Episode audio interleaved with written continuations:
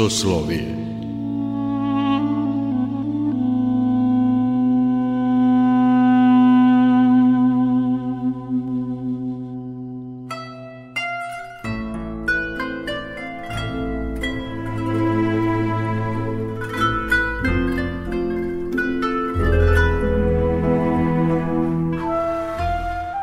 Slušate Soslovije, religijski nedeljnik Radio Novog Sada. Dobrodošlicu vam želi Mirjana Ranković. Večerašnju emisiju posvećujemo sećanju na svetog vladiku Bačkog Irineja Ćirića. Srpska pravoslavna crkva je 2. oktobra ove godine kanonizovala episkopa Bačkog Irineja Ivana Ćirića i svete mučenike Bačke – Episkop Bački Irine Ćirić, rodoljub, pesnik, slikar i prevodilac. Tokom drugog svetskog rata spasao je oko 2800 dece i 180 majki sa bebama iz mađarskog logora Šarvara i udomio ih u porodice po Bačkoj. Osnovao je eparhijsku dečiju bolnicu za lečenje mališana obolelih u logoru od tuberkuloze, a nova vlast sačekala ga je kamenjem i batinama, od kojih se nije oporavio.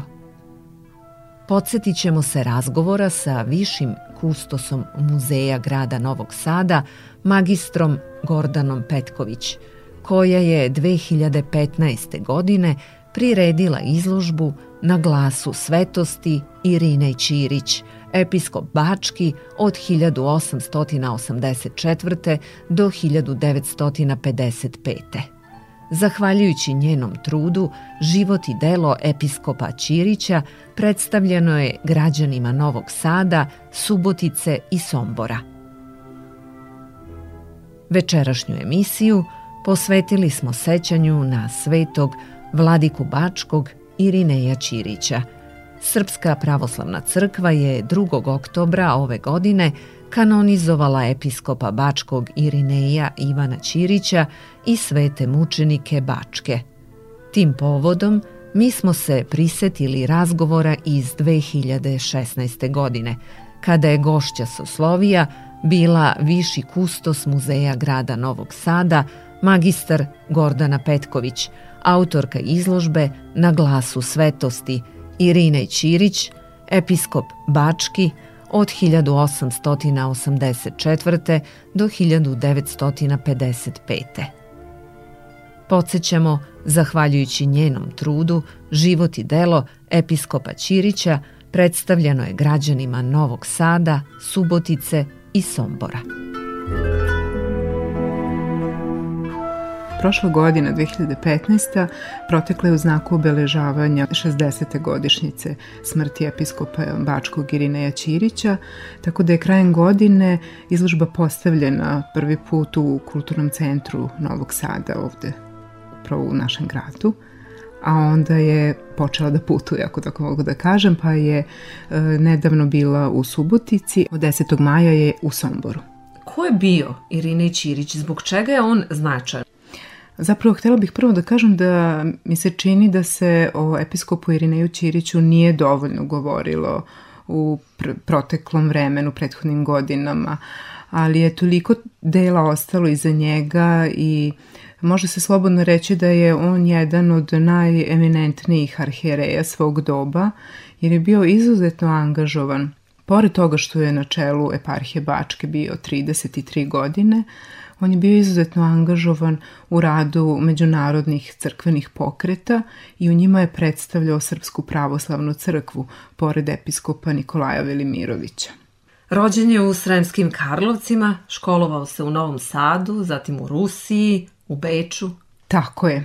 Zapravo, otuda je ideja, jer je rođen je Karlovčanin i ako mogu da kažem malu predistoriju te izložbe, e, njegov brat Stevan Ćirić koji je bio ministar prosvete i predsednik Narodne skupštine Kraljevine Jugoslavije između dva rata e, je prvo me zaintrigirao i odatle je krenulo istraživanje zapravo čitovi porodici Ćirić. Vremenom se to pretvorilo u jedan projekat, tako da posle izložbe o Stevanu Ćiriću, eto, imala sam zaista sreće i veliku podršku eparhije Bačke i posebno našeg episkopa preosvećenog gospodina Irineja, da se izložba o episkopu Irineju Ćiriću postavi da ugleda svetlost dana i da se na taj način nešto više sazna o ovom arhijereju koji je bio vrlo, vrlo značajan u istoriji naše crkve. Rođen je 1884. godine u uglednoj porodici u Sremskim Karlovcima. Jeste. E, njegov otac Isidor Ćirić bio je e, patrijaršijski narodno-crkveni sekretar Karlovačke mitropolije. Zapravo je bio najviši činovnik Karlovačke mitropolije i na tom položaju je on bio preko 20 godina u vreme nekoliko uh, patrijarha i mitropolita, dakle u Karlovačkoj mitropoliji. Njegova majka je bila iz porodice Krečarević, odnosno bila je čerka profesora Karlovačke gimnazije Pavla Krečarevića, uh, to je bila Evelina Krečarević. Dakle, to su roditelji koji su pored Ivana, budućeg episkopa Irineja imali još dvojicu sinova, već sam jednog spomenula, to je bio Stevan, i Vladislav koji je studirao medicinu, ali je rano umro. Vladika Ćirić je završio gimnaziju u Novom Sadu i onda odlazi u Rusiju. Da, sticajem okolnosti rano je ostao bez roditelja.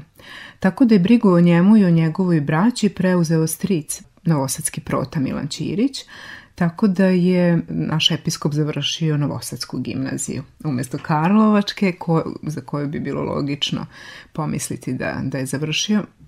I naravno posle završene gimnazije odlazi na Duhovnu akademiju u Moskvi.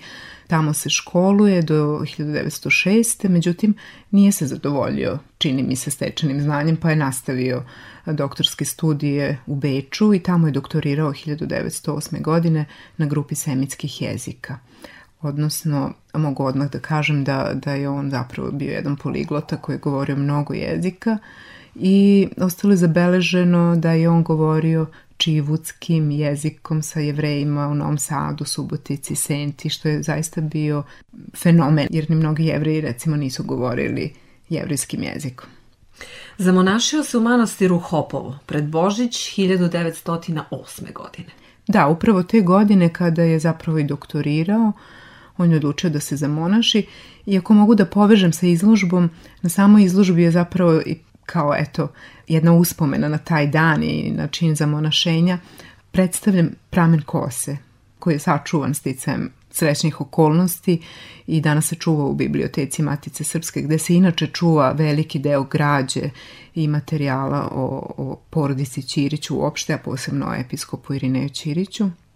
Tako da je taj eksponat jako dragocen jer ja kao muzealac zaista nisam imala priliku da nešto slično mogu da prikažem na, na nekoj od svojih izložbi koje sam radila i fascinira ljude kada shvate da je to zaista pramen kose koji je pripadao episkopu Irineju Ćiriću. Brzo je napredovao u monaškim činovima. Jeste, vrlo je brzo napredovao. Ono što bih htela da istaknem da je zapravo on tih prvih godina po zamonašenju boravio u Karlovcima, bio je profesor Karlovačke bogoslovije i bio je pridvorni đakon poslednje Karlovačkog patrijarha Lukijana Bogdanovića, ali sticajem okolnosti patrijarh je umro, stradao je, počeo je prvi svetski rat i e, to vreme, to ratno vreme tadašnji arhiđakon Irinej provodi u Karlovcima, međutim on sedi skrštenih ruku, on čak organizuje omladinu i organizuje jedan hor koji se u to vreme bavi eto pevanjem u tom ratnom periodu kada, kada je zaista stradanje ogromno i kada prosto su postojili razni načini da se ljudi od toga sačuvaju, od tog stradanja. E, posle rata je izabran za profesora Bogoslovskog fakulteta. Nažalost, on nije e, bio profesor, iako je to jako želeo, nije zauzeo to mesto iz praktičnih razloga jer je istovremeno izabran za episkopa Timočkog i pošto njegovo sedište eparhije nije bilo u Beogradu već u Zaječaru, on iz tih razloga nije mogao da predaje e, na Bogoslovskom fakultetu, iako je to jako, jako želeo. Međutim, ne zadržava se dugo u Timočkoj eparhiji, ostaje tamo dve godine, ali u vrlo teškim uslovima zapravo u tim godinama posle rata kada je čitava eparhija bila e, stradala e, u ratnim e, dešavanjima i trebalo je obnoviti mnoge crkve i manastire, okupiti ponovo narod i sveštenstvo. Eto, u tim godinama se u eparhiji Timočkoj episkop Irine time bavio, ali je već tada počeo da zastupa Srpsku crkvu u različitim međunarodnim pokretima, tako da možemo pratiti da on već putuje u Ženevu sa drugim predstavnicima Srpske pravoslavne crkve,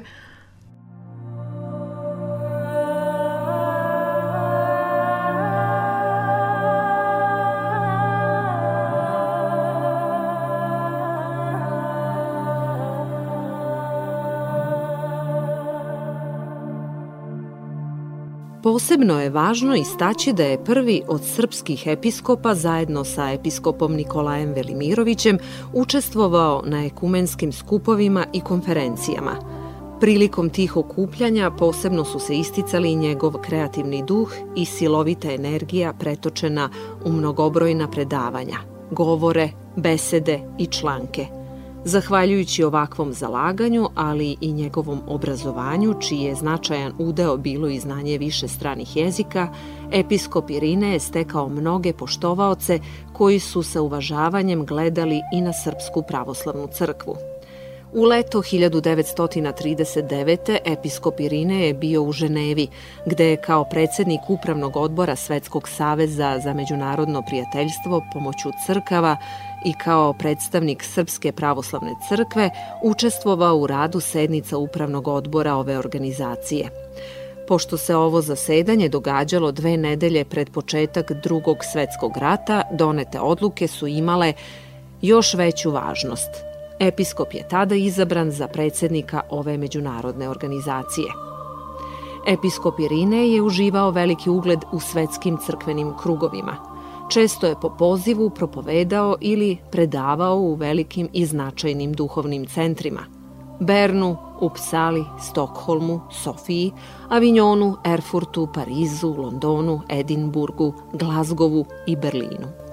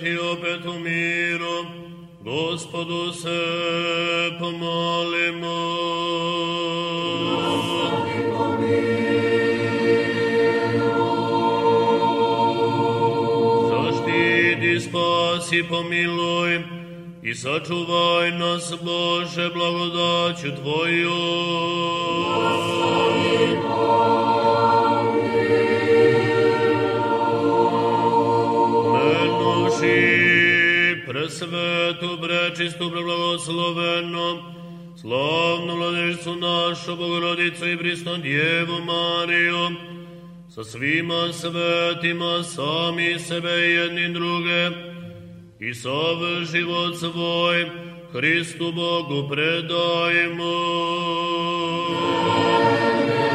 Jer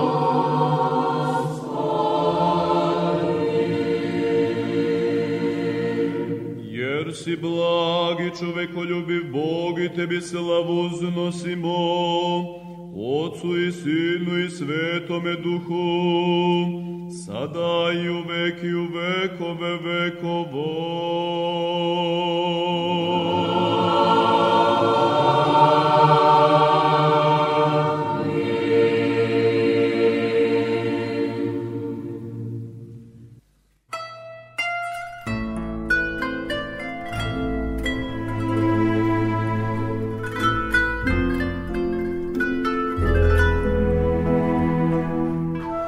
Slušate Soslovije, religijski nedeljnik Radio Novog Sada. O životu i delu vladike Irineja Ćirića razgovaramo sa autorkom izložbe magistrom Gordanom Petković, višim kustosom istoričarom. U februaru 1922. godine on dolazi u Novi Sad, te je ustoličen za episkopa Bačkog i tu ostaje do svoje smrti. Bačkom eparhijom upravljao je 33 godine, i ono što je najznačajnije da osim što se bavio međunarodnim crkvenim pokretom i predstavljao Srpsku pravoslavnu crkvu, izučavao je crkveno pojanje, ikonografiju, slikarstvo, prevodio je, pisao je poeziju, beletristiku i bavio se humanitarnim radom. Pa da, episkop Irine je zaista bio svestran i kada ste već spomenuli da, da se bavio slikarstvom, on on je bio samouk slikar i zanimljivo je koliki broj port, autoportreta je sačuvan i prikazan je na izložbi koje on uradio. E, među tim autoportretima prikazani su i portreti koje je radio Uroš Predić, gde je zabeležen episkopov lik, ali pored svega toga što ste nabrojali, ono što je posebno važno i o čemu se čini mi se ne govori dovoljno i nije se do sada puno znalo jeste upravo taj humanitarni rad i to naročito u vreme drugog svetskog rata kada je takođe o, bilo velikih stradanja i kada je on zapravo ostao u svojoj eparhiji, u svoj narod. Sticajem okolnosti on je proglašen članom Gornjeg doma Mađarskog parlamenta – to je e, i neka istorijska uloga, zato što su srpski episkopi, mitropoliti, patrijarsi zapravo e, bili po automatizmu članovi Gornjeg doma Mađarskog parlamenta u Austrijskom carstvu. E, ja verujem da je, da je tu primenjen i u drugom svetskom ratu taj princip, međutim nema zabeleženih podataka da je on zaista i prisustvovao zasedanjima parlamenta, ali to mu je zamereno posle rata. Više mu je zamereno to a manje uzeti u obzir koliko on zapravo uradio koliko uradio da se ogroman broj dece koji ste pomenuli e, i, i ne samo dece, već i, i odraslih, izbavi iz logora Šarvar i da se razmeste po eparhiji Bačkoj.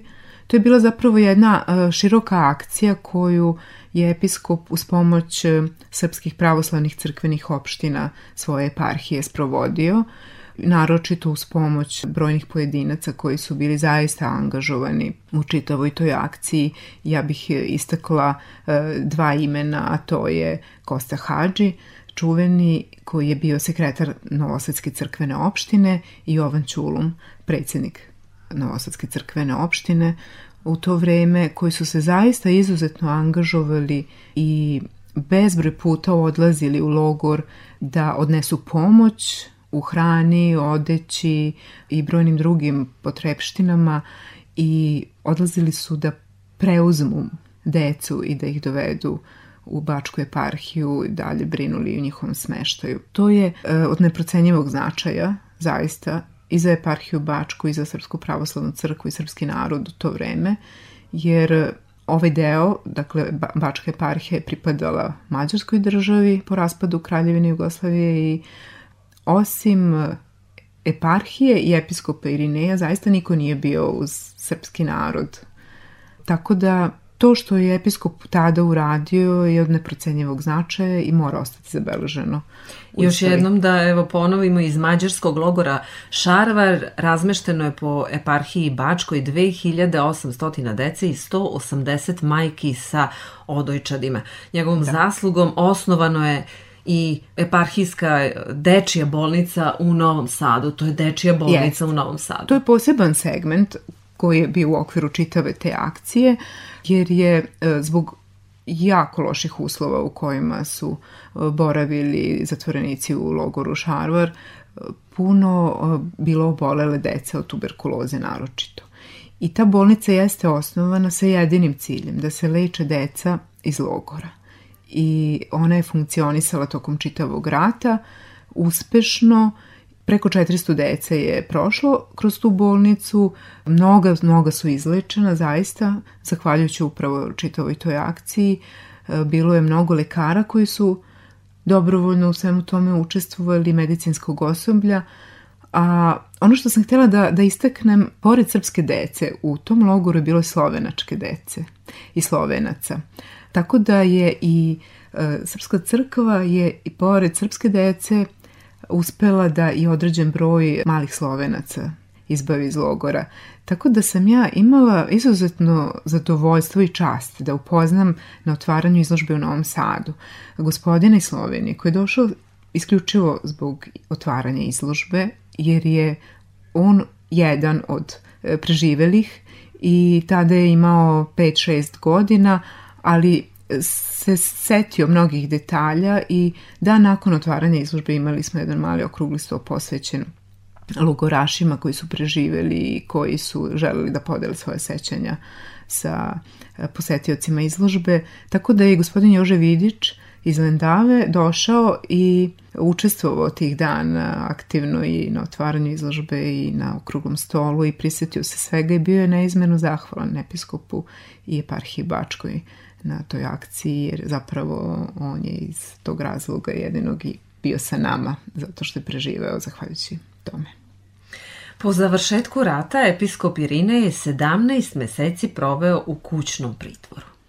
Da, ono malo pre što sam rekla da mu se spočitavalo što je bio izabran za člana mađarskog parlamenta, uzeto mu je za zlo i što je zapravo on sve vreme bio tu u Novom Sadu u svoj narod Čini mi se da nije bilo dovoljno razumevanja i zanemarena je nekako ta čitava akcija koju je on sproveo i 17 meseci je proveo u kućnom pritvoru.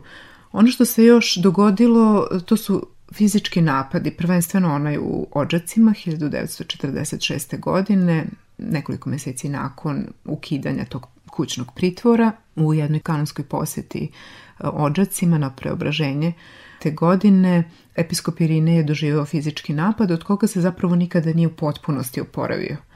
Tako da je on vremenom i legao u bolesničku postelju i nekoliko godina nije obavljao dužnosti, odnosno do svoje smrti nije obavljao više dužnosti u svojoj eparhiji.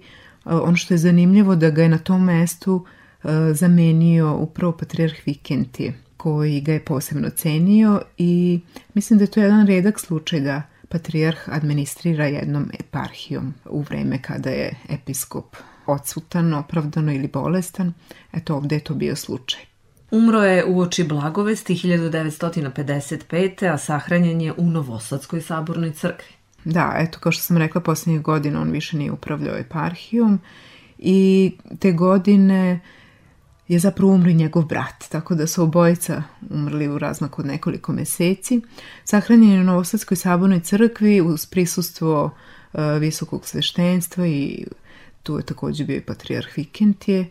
Ostala je jako upečatljiva uspomena među novosađanima, to slobodno mogu da kažem, ali ne samo među novosađanima, već među svima onima koji su preživeli strahote Šarvara i rata uopšte.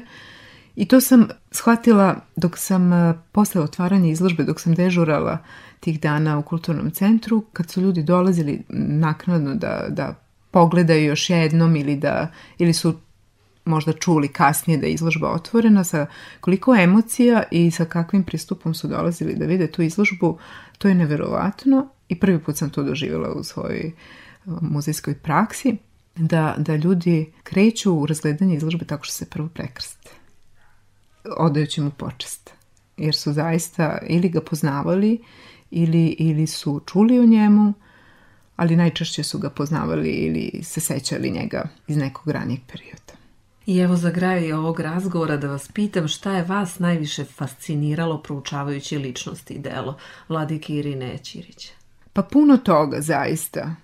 Počeš od njegovog obrazovanja koje je zaista bilo izuzetno široko i broja jezika koje je govorio, postoji podatak usmeni do duše da je govorio čak 22 jezika, do toga da je bio neumoran i da je on čak i u tom kućnom pritvoru slikao, čitao i bavio se svim onim aktivnostima kojima i inače, osim što nije odlazio na službu u crkvu jer mu je to bilo zabranjeno, odnosno nije mogao nikuda iz dvora. Eto, dakle bio je do, do kraja uporan i istrajao je sve te nedaće koje su ga snašle, bez obzira što to možda ne zvuči tako, ali prosto se borio do samog kraja, nije se predavao. Hvala vam. Hvala i vama na pozivu.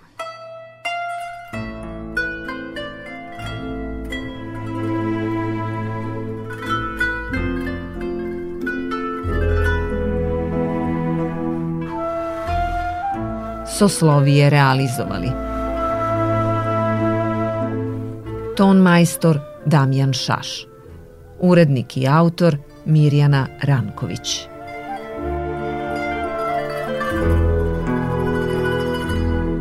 Opet i opet u miru gospodu se pomolimo.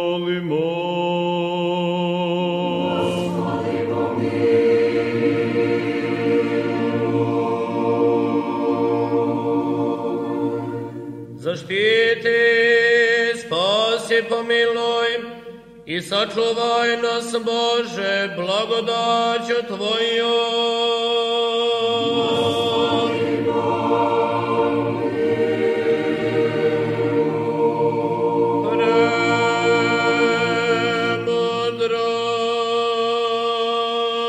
Da svakda čuvani vlašću Tvojom, Tebi slavu uznosimo Otcu i Sinu i Svetome Duhu, sada i u vek i u vekove vekova.